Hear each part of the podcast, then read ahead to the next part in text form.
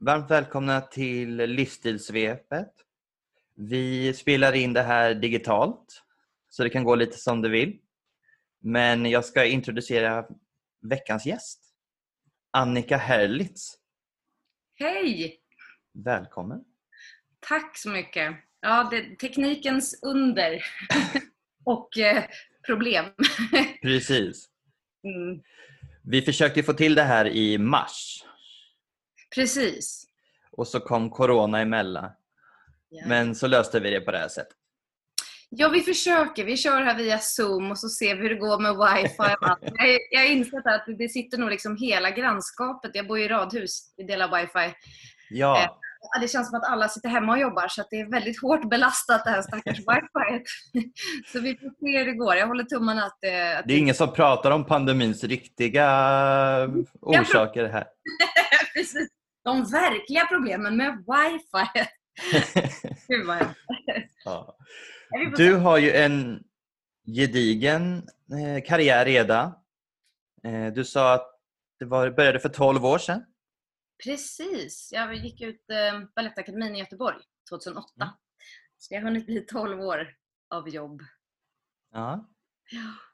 Och vad var liksom starten skulle du säga? Starten, jag hade ju en väldigt eh, bra start måste jag säga. Otroligt lyckosamt. Jag fick liksom det där första jobbet som kan vara ganska klurigt att få när man inte har något på sitt CV. Eh, utan jag, så jag fick eh, rollen som Sharpay i High School Musical. Eh, Mm. Nöjesteatern i Malmö 2008. Så det jobbet fick jag ju då när jag fortfarande gick på Balettakademin, sista terminen. Och att få det jobbet var ju helt otroligt. Liksom. Vilken start att få en roll och i den produktionen som gick ganska länge och den gick ju så pass bra så vi flyttade upp till Göta Lejon efter en säsong. Så Oh. hela showen flyttade upp till Göta Lejon och Stockholm och det var ju otroligt häftigt och också väldigt eh, bra karriärmässigt för då kom Mm. jag liksom in i den svängen. Så det blev ju en, en flygande start kan man säga. Hur, hur kändes det? Eller kommer du, kan du komma ihåg känslan av att få ett sånt jobb Ja. redan, alltså som första jobb? Ja, det går nog inte. Jag kommer nog liksom aldrig uppleva den euforin igen. Jo, nu ljuger jag. jag har ju, det har ju hänt saker efter det som också varit ganska storslagna. Som vi kommer komma till skulle jag tro. Ja. Typ Frost och sånt. Mm. Eh, Men just det där att vara så grön, gå i skola, ha gått massa utbildningar och inte ha någon aning om hur det kommer bli. Om jag kommer jobba som musikalartist eller om det här bara kommer vara en väldigt dyr, rolig utbildning som sen blir ingenting. Man vet ju inte, man har ju ingen aning. Nej. Eh, Så att få det där första jaet och på ett så roligt och häftigt jobb också var ju helt overkligt. Jag kan verkligen minnas hela känslan och det dygnet när jag fick beskedet. Det sitter Mm. liksom etsat fast. Det är ett otroligt häftigt minne. Mm. Vilka var det mer som var med i den? Det var, det var det som var så kul. Vi var liksom ett ganska ungt gäng. Vi var verkligen nästan som ett litet high school-gäng. Men eh, min bror spelades av fantastiska Martin Rede Nord, som många känner till också numera. Eh, och sen så var det David Lindgren som var Troy. Han har ju Mhm. gått och blivit stor.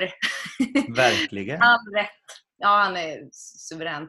Och så var det Caroline Johansson Kumminen som var Gabriella. Caroline Sem spelade Taylor och så var det Marot Lemon som spelade Chad. Vi var liksom här, de här sex huvudrollerna då.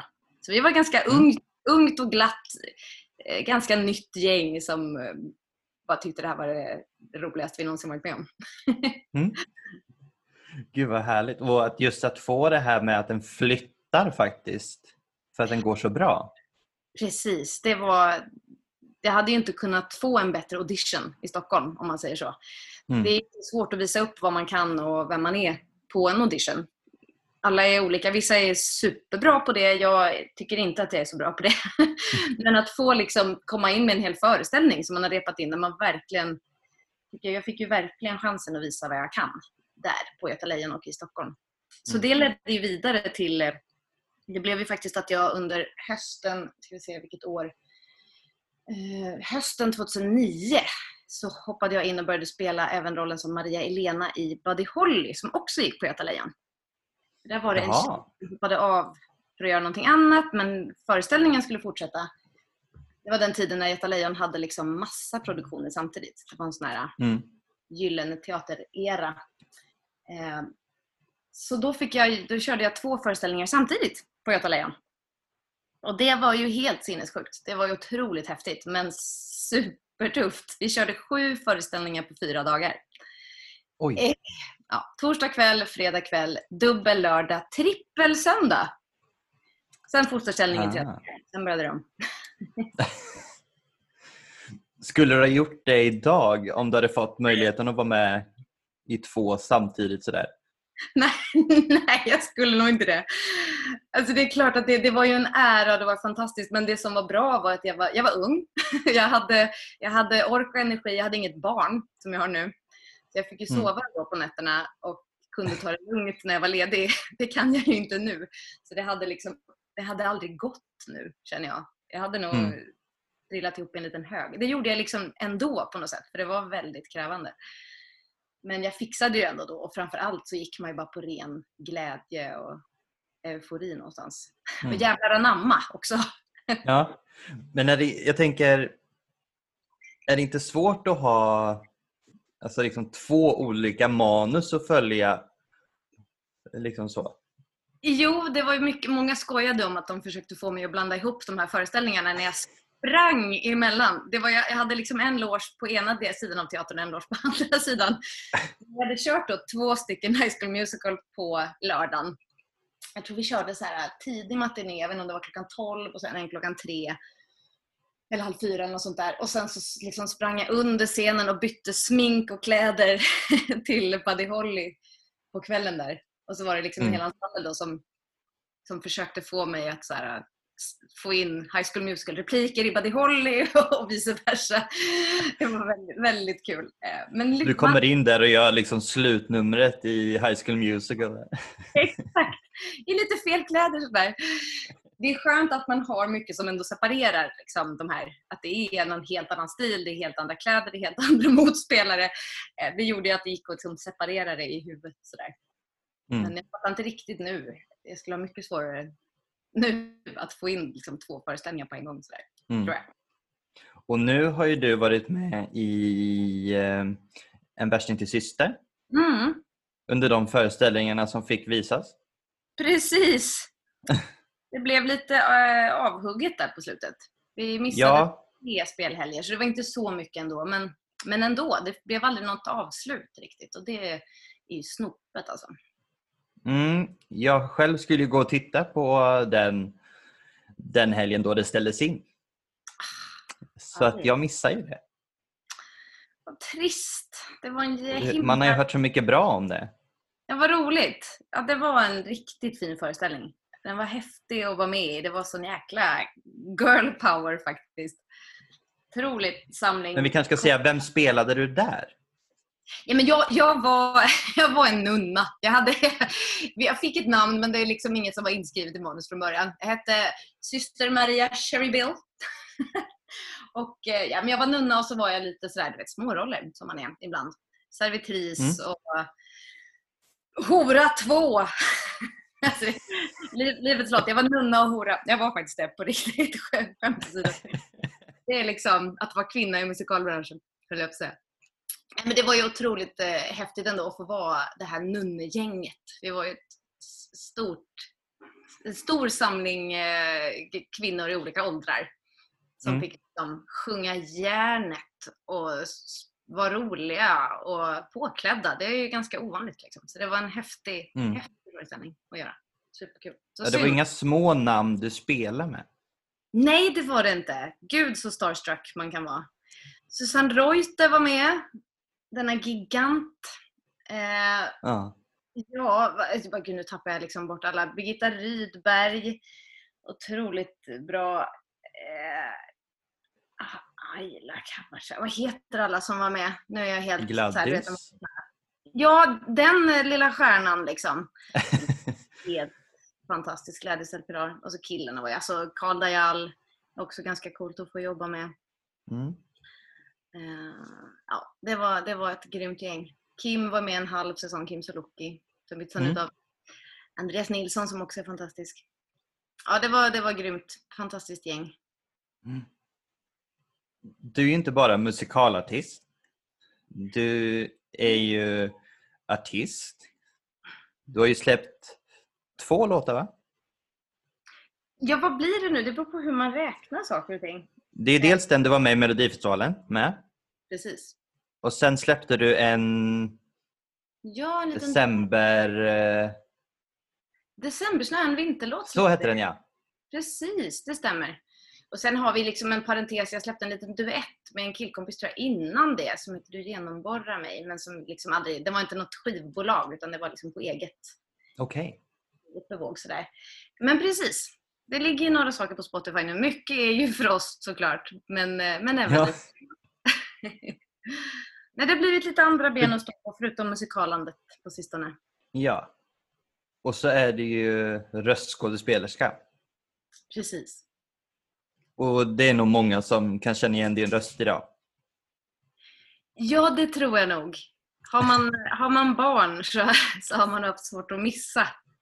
Det är ju, det är ju Frost, men det är ju även massa annat också såklart. Man kanske inte, Mm.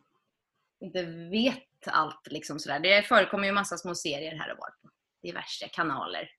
Mm. Du har gjort en del på Netflix va? Ja, det har ju blivit så mycket olika sånt där nu i och med all streaming. Så, så Mm. Netflix absolut och sen så är det mycket för Nickelodeon och Cartoon Network och SVT, eh, UR. Så där, Mm. olika. Väldigt skoj. Och om du fick välja fritt då, vad har varit det roligaste röstjobbet? Det är ju svårt att säga något annat än Frost va? det mäktigaste liksom, det, det största och häftigaste sådär. Sen är det klart att det har kanske varit andra saker som har varit mer liksom, lekfulla. Frost var ju för mig väldigt på allvar. så. Ehm, Mm.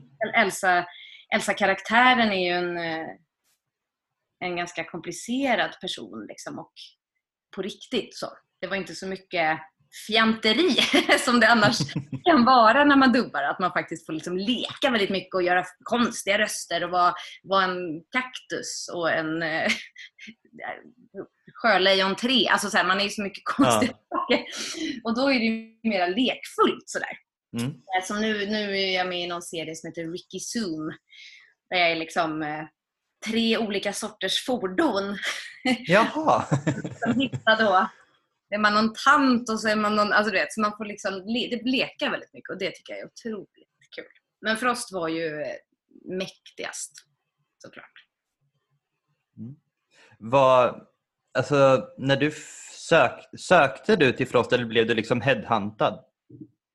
Jag blev eh, headhuntad att söka, kan jag säga. Mm. Vad jag förstår i efterhand så har jag fått veta att processen att hitta Elsa-rösten var väldigt lång och komplicerad. De hade provat jättemånga och på något sätt, det hade inte funkat. De hade fått avslag av Disney tror jag. Överlag. De var inte nöjda. Mm. Eh, Så då till slut så hade de liksom, när det började brinna i knutarna så var de så här, okej men vi måste testa några musikalartister då. Jag tror att de hade haft lite mera eh, inriktning på typ kända namn kanske så. Så då, då fanns jag i deras register för jag hade dubbat en sak tidigare. en, eh, Mm. jag tror det var en argentinsk High School Musical-film på något sätt som jag dubbade medan jag spelade Sharpay. Så då blev jag liksom headhuntad Ja, Precis, att det var liksom, men den rollen och så fick jag hoppa in och, och dubba där. Och sen vart det inget mer. Jag sökte några saker, fick nej. Jag tänkte, jaha vad trist, det blev inget mer dubbande för mig. Vad synd, det som var så kul. Så Mm. gick det ganska många år, men så ringde de då, vad blir det då, 2013? Hösten 2013 så hörde de av sig och bara, hej vi undrar om du vill söka en huvudroll i en Disneyfilm.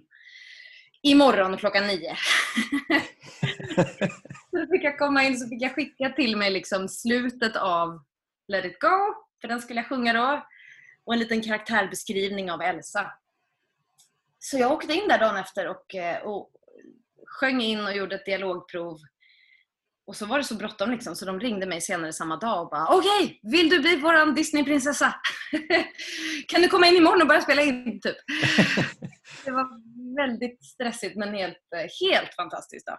Så till, till slut så det, det landade på mig. Liksom. Det kan jag fortfarande få såna där overklighetskänslor att det blev jag. Det är så mycket man hör om Mm. som är, det där var den och tänk att hon fick det och så här, men plötsligt så bara, det var jag som fick det. Det är jättekonstigt fortfarande, tycker jag. Mm. Trodde du att det skulle bli så stort som det blev? Nej, inte, inte en chans alltså. Man, jag tyckte det var så häftigt att jag skulle få en Disney-prinsessa. Det är en sån här någon bucket list-grej. Mm. Och sen kände man ju för sig när vi spelade in och framförallt den där låten så kände man att det här är något helt annat. Det här är otroligt. Att jag får stå och sjunga det här. Vi stannade upp allihopa tror jag någon gång i, i studion och liksom både jag och alla tekniker och regissörer var så här. Vad är det här för låt? Liksom. Mm. Eh, Så man kände ju att det var något, men, men så stort. Det, det, Mm. det kunde ju ingen föreställa sig. Inte ens Disney. Liksom. Jag tror att alla eller hur globalt det blev. Och hur det Och bara... den toppar ju listorna Ja, fortfarande. Ja, men det är helt sjukt. Det tar liksom inte slut. Det är det fantastiska med att det är en barnfilm. Om, eh, Mm. Att det kommer nya barn hela tiden. Eh, som sagt, min tvååring, två och ett halvt-åring, har nu, har, nu har hon liksom fattat Frost. Då, så hon är ju Mm. helt Frost-tokig. Så det Förstår hon att det är du? Ja, hon vet att det är Anna och mamma kallas vi för. Ja. Jag vet inte hur hon förstår det riktigt, men hon har greppat att det är, hon säger det är din röst mamma. Liksom. Så hon vet det på något sätt. Mm. Men hon är helt frosttokig och då spelar det ingen roll för henne att filmen kom ut för sex år sedan. Den är ju ny för henne och så är det. Så därför hålls ju Frost aktuell hela tiden. Det är helt fantastiskt. Mm.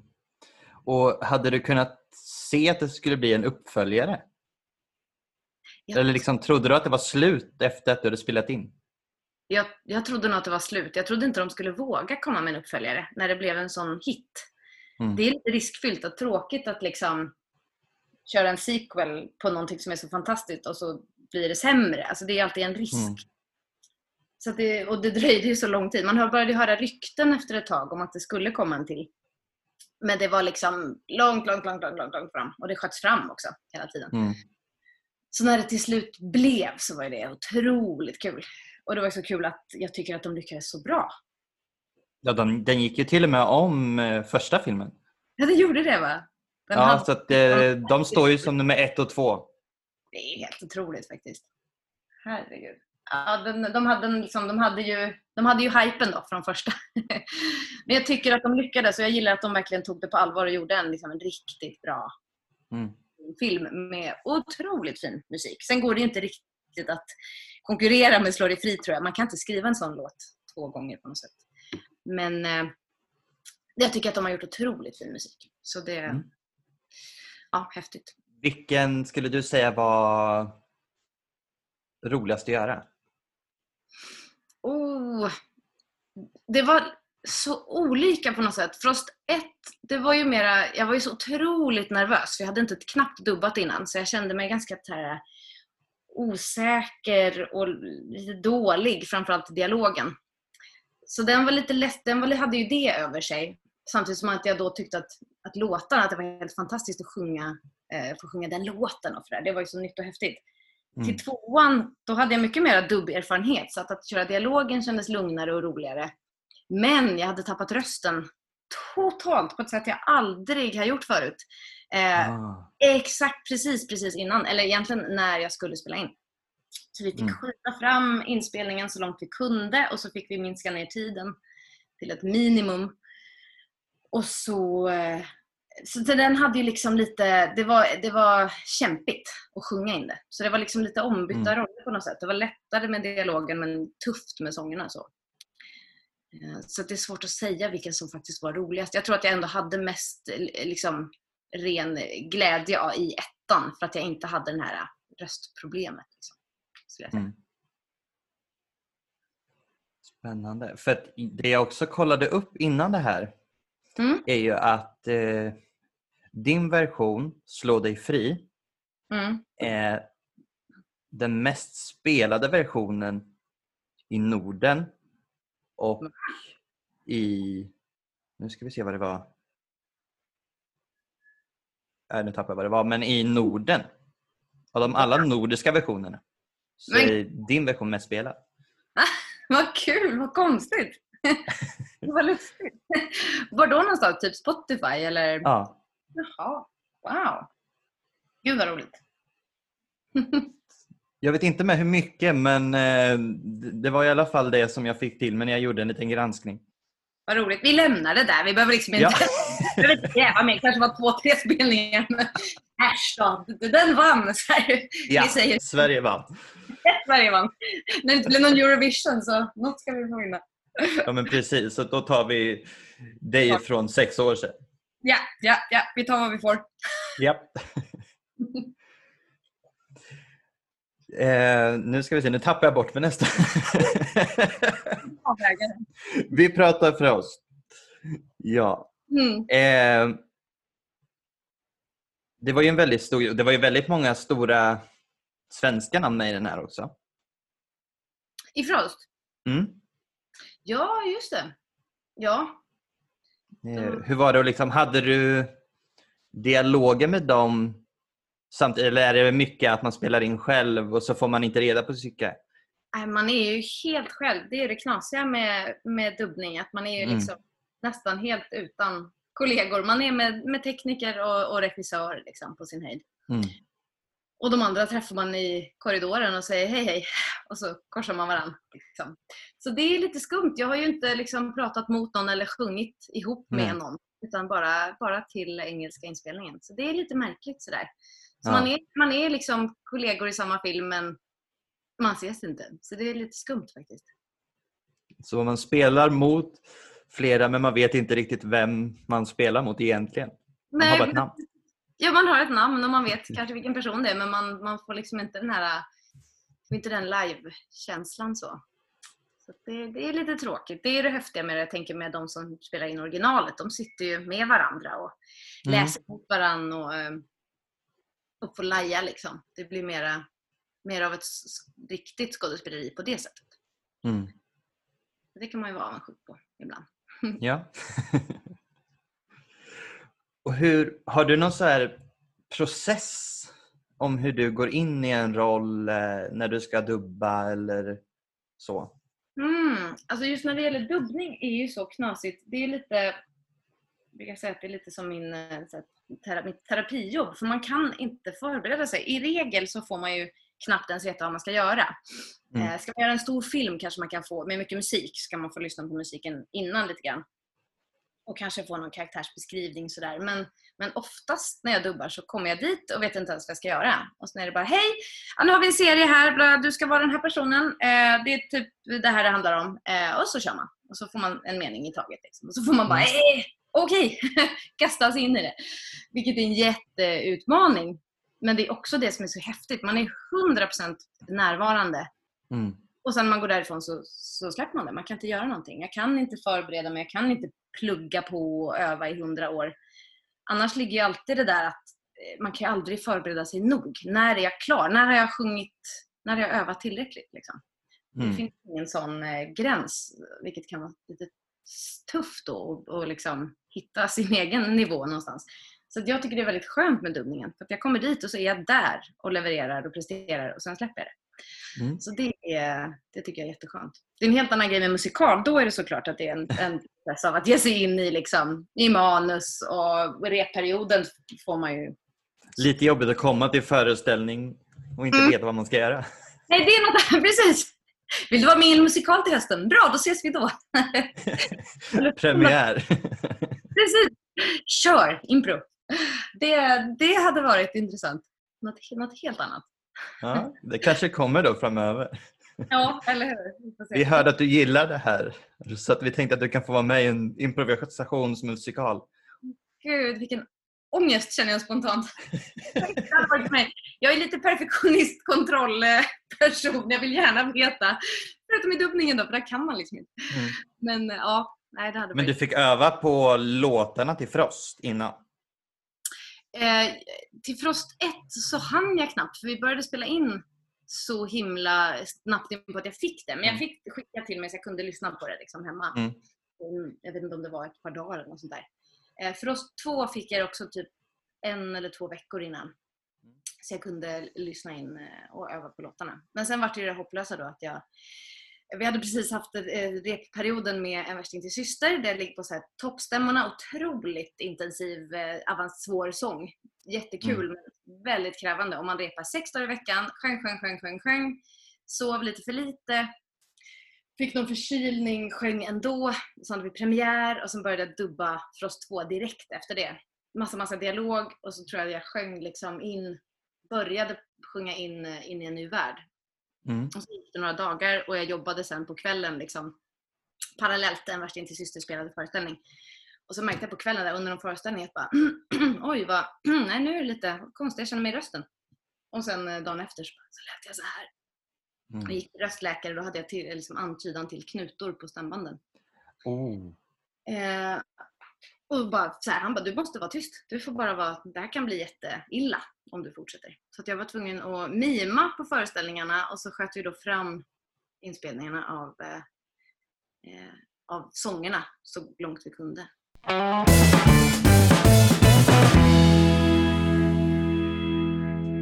Nej men precis, att jag eh, vi sköt upp, jag fick vara tyst så länge jag kunde och så sköt vi fram eh, sånginspelningen så, så, länge det gick innan de var så här, det här är absolut sista deadline. Så tog vi de sista dagarna innan där och så var det bara att hålla tummarna att rösten skulle liksom hålla ihop under de timmarna. Mm. Så vi fick istället för att man skulle kanske haft så här, sju timmars sånginspelning så tryckte vi in det på tre timmar och försökte riva av låtarna liksom, så snabbt det gick. Så det var ju så synd någonstans. Man har gått och väntat på den här filmen i sex år och så kommer de här fantastiska låtarna liksom, som har gått hem och övat och bara åh, de känns så bra. Och sen så, ja, så blev förutsättningarna som de blev. Liksom. Ja. Det, var, det var ju ehm, det var, det var trist, men jag är ändå jätteglad att det gick. För ett tag var jag som att eh, tänk om de kommer behöva byta ut mig. Jag kanske inte har några mm. röst kvar nu. De kommer behöva liksom ersätta mig. Det var ju livrädd där ett tag. Så att jag är mm. glad att det ens gick och att det faktiskt låter helt okej. Okay. Jag hör ju att, jag har, att det är lite kämpigt. Men jag, jag tror inte att liksom, de flesta gemene man har något. Och det är det mm. viktigaste. Mm. Är du bättre idag? Ja, absolut. Nu känner jag mig helt återställd. Men jag var lite, det var lite svajigt under hösten med rösten. Jag kände att jag lättare blev ansträngd. Mm. Och jag har haft sån flyt liksom med min röst. Jag har inte haft någon problem med min röst. Jag har eh, astma så att jag har eh, haft lite problem med det i perioder. När det har varit mycket pollen mm. eller om jag blir jätte, liksom, superstressad en period då kan jag få tungt med andningen. Och det påverkar ju sången, absolut. Mm. Men inte just själva stämbanden. De har, eh, de har hållit ihop rätt bra. Så det var läskigt att känna att shit, nu är mina stämband nästan trasiga. Det sätter sig lite på självförtroendet också på något sätt. Mm. Man är sådär, det är så lätt att slå på sig själv. Nu har jag sjungit fel, nu är jag dålig sångerska som blir, som blir eh, sliten och så vidare. Men det var någon som påminde mig om att det är ju ingen som liksom, säger så till en, en eh, elitidrottare som får ett utslitet knä eller någon, någon lårmuskel som brister att de är såhär, vad dålig du är som blev så sliten. För att, och det är ju det är lite samma sak, när man sjunger så intensivt och mycket som, som vi sångare gör i perioder mm. så är det konstigt att det är en muskel. Liksom. Den blir också, kan också bli sliten. Mm. man får vara lite snäll mot sig.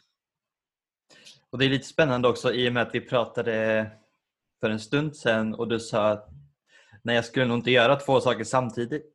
Precis. Och det gjorde du nu igen. ja, just det. Ja, alltså jag gör ju alltid saker samtidigt.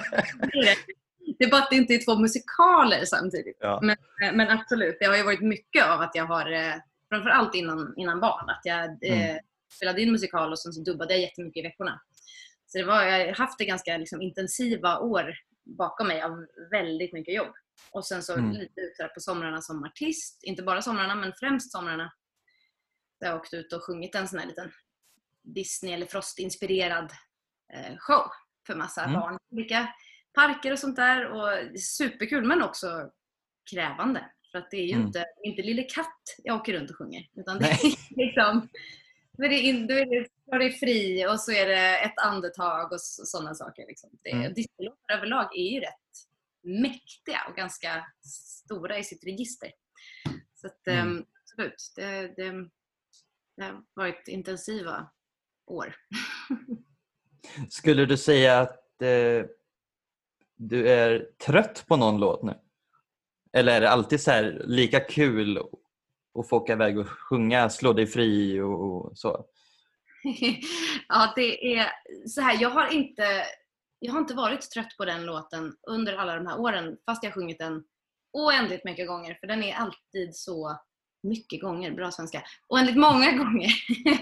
Eh, för den är så häftig och den är väldigt den är så utmanande att sjunga och den är så häftigt uppbyggd att den alltid har känts kul att ta sig an.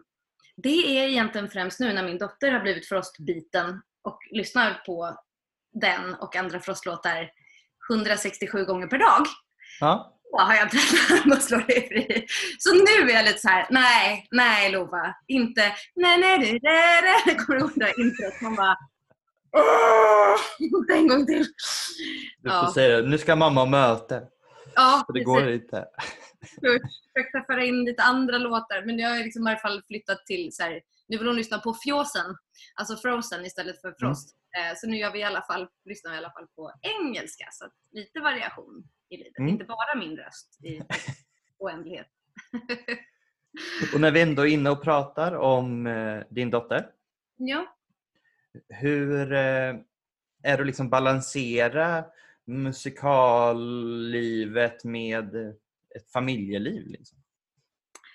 Ja, där, där sätter du liksom huvudet på spiken på min, min största utmaning och lite mitt dilemma just nu faktiskt. Mm. Som har blivit lite sådär... Äh, in, jag har zoomat in på det nu under den här coronaperioden mm. kan man säga. Det är som att för många tror jag det har blivit att det här har blivit en tid av att liksom lite stanna upp och känna efter.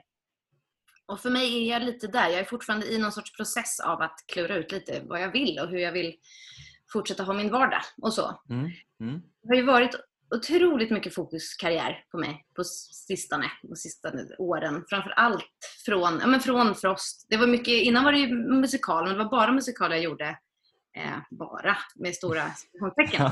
Det var ju verkligen full fokus på det. Liksom. Men det var ju också det jag gjorde. Jag hade inga andra ben att stå på. Jag var, jag var musikalartist och jag hade inte familj, jag hade knappt pojkvän. Liksom. Men sen kom Frost och så blev det massa dubb och så blev det massa gig och så blev det massa prestationsångest. Och ett ganska hektiskt liv under en period där. Och det blev mello och alltså på Skansen och massa häftiga mm. saker. Så det har varit väldigt mycket fokus karriär. Och sen kom Lova och blev liksom prio ett och allt annat har blivit prio 67 lite grann känner jag. Mm, så jag mm. har det lite knepigt nu med att få ihop hur jag vill ha det för att jag, jag har tyckt, jag har gjort två musikaljobb sen Lova kom. Mm. Och de har varit jätteroliga och jättefina men det har varit klurigt tycker jag. Eh, mm. Arbetstiderna har känts ganska liksom, jobbiga, repperioderna jättetuffa att vara borta så mycket. Så jag, jag, tycker det är lite svårt. Jag vet inte riktigt hur jag ska, hur jag ska få balans just nu och mm. vad jag ska göra. Jag tror att jag är lite inne på att jag tar... Det ger sig också automatiskt för att jag har faktiskt inget musikaljobb i pipen just nu. Men jag tror inte mm. heller att jag kommer jaga efter det eh, den närmsta tiden. Och där har jag lyxen av att jag har lite andra ben att stå på. Eh, jag vill jättegärna fortsätta dubba. Eh, jättegärna fortsätta gigga när man kan det, när Corona har lust mm. att ge sig. Just nu har jag liksom en sommarturné som bara är uppskjuten eventuellt till nästa sommar. Så det ah. vill jag ju göra. Ja, det är lite segt faktiskt. Ehm, men jag hoppas det är inte som att det är liksom, det kommer ju ske, att det, frågan är bara när. Mm. Ehm, och sen så håller jag på att utbilda mig inom eh, coaching och ledarskap faktiskt. Mm. Ytterligare ett ben att stå på som är lite, mera, lite mer vanliga arbetstider och också något som jag har saknat att syssla med. Jag har mm. saknat att, den delen av hjärnan. Liksom. Få jobba med, med hur människor jobbar, hur människor fungerar och, och sånt. Så, att, ehm, så att det är lite så. Jag håller på och pusslar nu och funderar och hur ska, jag, hur ska jag få ihop min vardag? För man måste ju tjäna pengar också. Mm, de säger det. De säger det, att man ska leva på något. Och så vill man ha liksom, jag vill ha så mycket tid som möjligt faktiskt med min dotter. Hon är ju mm. så himla kort liksom också. Så jag känner att jag, ja, det kanske får vara lite, får vara lite fattigare, lite mer familjeliv nu. Och sen så tänker mm. jag sen är jag stor och tröttnar på att vara med mig. Då får jag väl ta, riva igång igen. Om jag, om jag får. Ja. Lite så. Så det, där håller jag på och fnular. Mm. Hon förlänger ju era dagar nu i alla fall. När man följer dig på Instagram. Eh, tidiga, tidiga Mona Sådär. Nej, men med barn, att man är liksom... är- Ja, det blir, hon är inte så mycket för tidiga morgnar, hon är väldigt mycket för sena kvällar. Ja, Hon är en nattuggla, så att det är väldigt... ehm, ja, det är... vi- har inte jättemycket egen tid just nu. Det är så här, hon vill gärna gå och lägga sig liksom tio på kvällen. Öh, så att vi, ehm, vi håller på med det och ska ta bort någon sorts dagvila och hej och sånt där. Men absolut, vi har mycket tid, och, mycket tid att umgås nu. Det har vi. Mm. Men vi var inne lite på Corona och ja, men hur det har påverkat dig lite grann och hur du börjar fundera och sådär. Mm. Eh, hur känner du liksom att det har påverkat överlag? Alltså, det blev en inställd, eller ett tvärt, ett tvärt slut på en värsting till syster. Eh, Ja. Och lite så att allt bara stannar upp. Ja, det är ju superkonstigt. Det var precis tre spelhelger eh, kapades och det blev ingen, liksom, inget avslut, ingen, ingen avslutningsmiddag så här som man brukar ha. Jättekonstigt och plötsligt så blev det som att, eh, och den här sommarturnén som jag skulle ut på blev också ett enda stort frågetecken. Vissa saker har liksom skjutits upp men andra saker har ställts in. Det är väldigt osäkert om det ens blir av. Nej men plötsligt så, så var man i någon sorts eh, lite så vakuum av eh, arbetslöshet på ett sätt men också någon sorts så här liten frihet. Alltså det var en så konstig dubbel känsla för mig. Eh, det var verkligen både jättesnopet och lite läskigt ekonomiskt och vad ska hända. Men det var också som att man fick det här lite andrummet för man är ju annars i någon sorts ekorrhjul. Man måste liksom hela tiden fortsätta framåt, man måste ha planerat så långt fram man kan och jobbar man på, duktig som man är. Liksom. Eh, så inte så mycket tid att faktiskt känna efter och, och fundera och sådär. Så plötsligt så var det lite som att kalendern vart rensad och hos alla, liksom. nästan Mm. alla. Och med det så kommer det både massa rädslor såklart och funderingar och massa jobbiga känslor men också eh, mycket, en del bra tror jag. Det känns nästan hemskt Mm. att säga att det kommer någonting bra av något fruktansvärt som en pandemi. Det är ju, det är ju verkligen en, en fruktansvärt tillstånd och jättetragiskt för många som är sjuka och som förlorar anhöriga. Men, men det kan ju vara en poäng att se någonting positivt i det också för nu är det ju som det är på något sätt. Och jag tror att det som är positivt är att många med mig har fått tid att stanna upp Mm. och fundera och känna efter. Och har jag sprungit lite för snabbt kanske? Och hur vill jag, hur vill jag ha det och hur kan jag se till att få det så i så fall? Mm. Så det, det är det Corona har liksom gett på något sätt. Mm. Så Det är jättemycket. Det är absolut det är läskigt eh, ekonomiskt såklart. För att jag, just nu har jag, jag har lite dubb inkomst. Liksom. Mm. Och jag har lite besparingar sådär. Men om det här fortsätter länge, om hösten blir stökig, hur blir det då? Måste jag, ta, måste jag nog ta ett annat jobb? Alltså försöka hitta något vanligt, vanligt Ja. ett, an, ett annat sorts jobb som inte är inom kultur. Liksom. Mm. Och hur gör man det? Jag har inte Mm. gjort något annat. Liksom. Så det är, Hur känner du liksom? Det är många som pratar om att stödet till kultur inte finns under den här pandemin. Hur har du känt kring det? Det blev ju väldigt tydligt alltså hur, eh, eller var luckorna finns. Det känns som att det här har belyst mycket. Det har belyst liksom problem i äldrevården och det har belyst liksom hur, hur lite stöd det finns inom kultur. Hur mycket vi är Mm. liksom on our own på något sätt när det kniper. Eh, Jag är Mm. med i a-kassan men jag, kan inte, eller jag har inte valt att utnyttja den. För om jag ska göra det då måste jag lägga mitt företag vilande och då får inte jag ta några jobb. Eh, Nej. Men jag kan söka jobb som Arbetsförmedlingen säger åt mig att söka men jag kan inte ta de två jobb som... Alltså det är någon sorts glapp här som inte liksom... Lite Stämmer, moment jag har- 22. Det är ett moment 22 ja. Mm. Jag, har, jag har ju lite dubbtimmar och de vill jag kunna ta men det är inte så att jag kan leva på det. eh, så det är jätteklurigt. Just nu så lever jag på liksom, besparingar vilket är lite Mm. orättvist. Jag betalar till a-kassan varje månad och jag är med i Teaterförbundet och jag ja, betalar massa skatt alla år. Liksom. Mm. Men jag vill inte lägga mitt företag vilande för då måste jag tacka nej till massa saker som faktiskt ändå är jobb. Som Mm. ger skatt. Alltså det är så inte konstigt. Och skulle du då lägga det vilande, då skulle det säkert rassla in Ja, med då bara, här kommer ett gig. Här kommer, alltså, då, drar det säkert igång och då måste jag dra upp mitt igen. Och jag vet inte, det känns krångligt och svårt. Men jag, jag fattar Ja, det är inte så lätt. Vad sa du? Det är inte så lätt. Nej, det är inte det va? Jag tror inte det. Det ska inte vara... För jag fattar ju också liksom, var de här reglerna kommer ifrån. Man ska inte kunna gå runt och ha ett halvkass företag som man gör lite saker här och var och så går man på bidrag sen resten av tiden. Mm. Och det är inte det som, men det är inte det som är poängen. Liksom, utan nu är vi i en pandemi. Det är en kris. Liksom. Och då tycker Mm. jag att man skulle kunna ha lite specialregler. Liksom. Eh, och det är väl det de i och för sig tittar på och jobbar på och funderar på. Så att vi får se vad som händer. Mm. Precis skulle man kunna få liksom ett visst stöd. Vissa har ju, om man AB då kan man ju permittera sig själv och så. Så Mm. det är ju folk som gör det. Och det är ju en, liksom en nödlösning som passar bra i den här tiden. Men har man enskilt företag som jag har, då, då får man inte det. Så, Nej. Det blir så personbundet. ja, det blir det. Mm. Så då får man bara så här, klara sig själv och äta upp sina besparingar. Och det är ju lite surt alltså. Men, Precis. men samtidigt är jag glad att jag ens har det, alltså att jag har den möjligheten. Så att Mm. jag, ja, det är väl det här att jag har jobbat som en dåre då, de senaste åren. Någonting ska man väl ha för det. Mm. Men om vi då ska lämna den här dystra pandemin och prata lite det här som du hade lite svårt för, som du sa, det här med att drömma.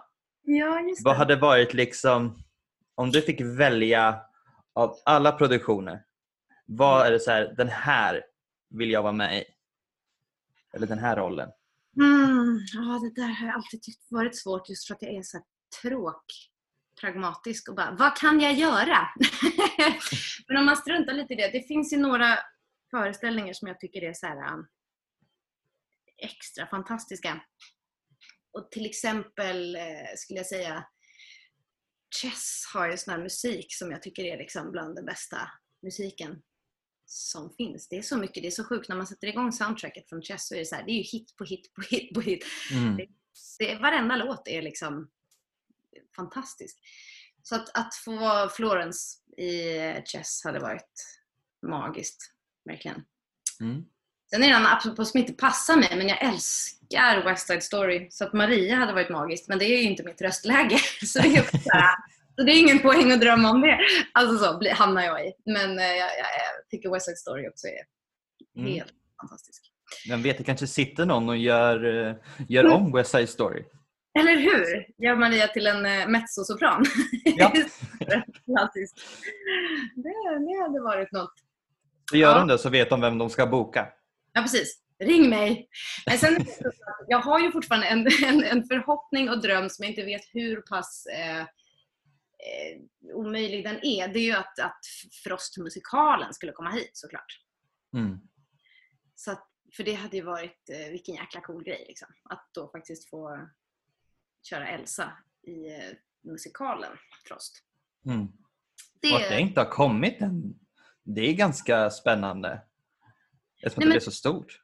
Ja, men att den inte har kommit hit menar du? Liksom. Ja. Den, är, den finns ju på Broadway, men jag tror att de inte får släppit upp rätt, rättigheterna. Till en början Så så kan alla ska åka dit och se. Liksom. Så ger det några år så släpper de säkert upp lite rättigheter. Sen får man ju se om den är, om den är för dyr. Om det finns några produktionsbolag kvar på benen efter den här perioden. Eh, Men i så fall hoppas jag verkligen att jag i alla fall får eh, chansen på det. Mm. Det hade varit något. Spännande. Ja, det, det får vi hoppas på. Ja, verkligen. Då skulle väl din dotter bli överlycklig. Ja, wow. Ja, då skulle jag vara mom of the century. Om i och för sig det, hon har kommit över sin frostperiod tänker jag tills dess. Då kanske jag bara är jättetöntig och hon är preteen. och- Men då kanske du kan, så här, kan erbjuda henne att vara någon liten biroll eller? Ja, unga Anna eller Elsa kanske. Det hade ju varit något. Ja, Kan, kan låtarna utan till i alla fall. Kan även scenerna. Kan det mesta av då, det. så, då är hon som gjord för det. Jag menar det. Det är givet. Un, unga Elsa och eh, ska jag vara Elsa. Mm. Och får hon någon- inte vara det så får hon väl vara någon, eh, något av de här små trollen eller så. Ja, eller hur? Nej, det hade varit något. Det säger vi. Det bokar vi. Ja, det tycker jag. Jag kommer på premiären. Perfekt. Du är bjuden. Ja, vad bra. Men du, eh, det här har varit en jätteintressant intervju. Tack, ja vad kul. Vad kul att ha dig här och att du ville ställa upp. Såklart. Jätte... Allt är härligt att få prata om sig själv. Gud vad hemskt man är som, som artist. Är man väl lite sådär, åh, mi, mi, mi. Nej, men jätte, jättebra, bra, roliga frågor och intressant Ja. att fundera tänka efter. Men jag tänker som avslutning. Mm. Har du några tips för personer som kanske vill dubba? Mm. Ja, dubbning är det här eh, är så svårt. Det är så många som vill eh, komma in i den branschen, vilket jag förstår. Det är en helt fantastisk bransch. Men det finns liksom ingen eh, eh, gyllene väg skulle jag säga. Det finns ju studios som man kan höra av sig till och mejla. Eh, man kan skicka med röstprov. Annars brukar jag tipsa om min eminenta eh, kompis och kollega Christian Hedlund som har ett Youtube-konto som heter One Man 20 Voices. Han har gjort ett gäng såna här eh, videos om hur man blir röstskådespelare och hur man bla bla bla. Massa bra tips, matnyttigt, frågor om och kring liksom. Så att Mm. eh, jag hänvisar hellre till honom för han är också liksom, Mm. han är ju ren röstskådespelare. Han lever ju i princip på det och är helt suverän. Så, att, så kolla in eh, det. Eh, så får man massa tips på just dubbningen. Yes. Ja. Jag gör så att jag länkar till honom här. Gör det, schysst. Det är Mm. bra för alla, både för honom och för omvärlden. Ja. Och du har ju även varit med i hans videos. Ja, vi gjorde någon lite för jättelänge sedan som, om just röstskådespeleri och vi har gjort lite andra grejer också. Så Han, Mm. han har mycket skoj där. Och Det kanske är en av de här grävande journalistikdelarna av mig som har hittat.